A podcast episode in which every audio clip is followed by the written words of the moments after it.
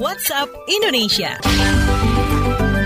WhatsApp Indonesia kita mulai dari kabar perayaan HUT RI. Di tengah perayaan Hari Ulang Tahun Indonesia HUT Republik Indonesia ke-78, Presiden Joko Widodo mengatakan perayaan 17 Agustus 2024 nanti bakal dirayakan di Istana Presiden di Ibu Kota Nusantara IKN. Kalimantan Timur. Tak hanya Presiden Jokowi, Wakil Presiden Ma'ruf Amin juga menyampaikan hal serupa. Dalam perayaan HUT RI tahun ini, Presiden Joko Widodo menggunakan baju daerah Ageman, Songkok Singkepan Ageng asal Surakarta, Jawa Tengah, di mana tema yang diusung adalah terus melaju untuk Indonesia maju.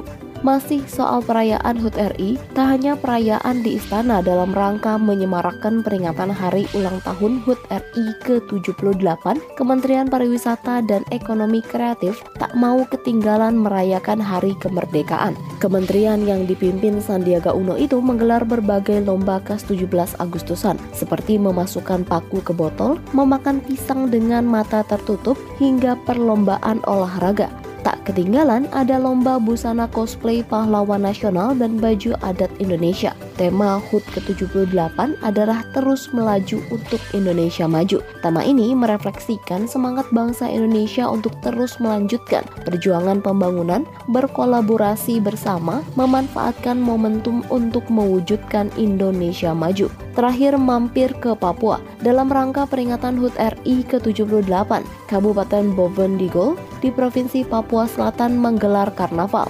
Kegiatan karnaval dibuka Bupati Hengki Yaluo. Kegiatan ini diikuti pelajar dari berbagai tingkat, mulai dari PAUD, TK, SD, SMP, SMA atau SMK, dan masyarakat umum.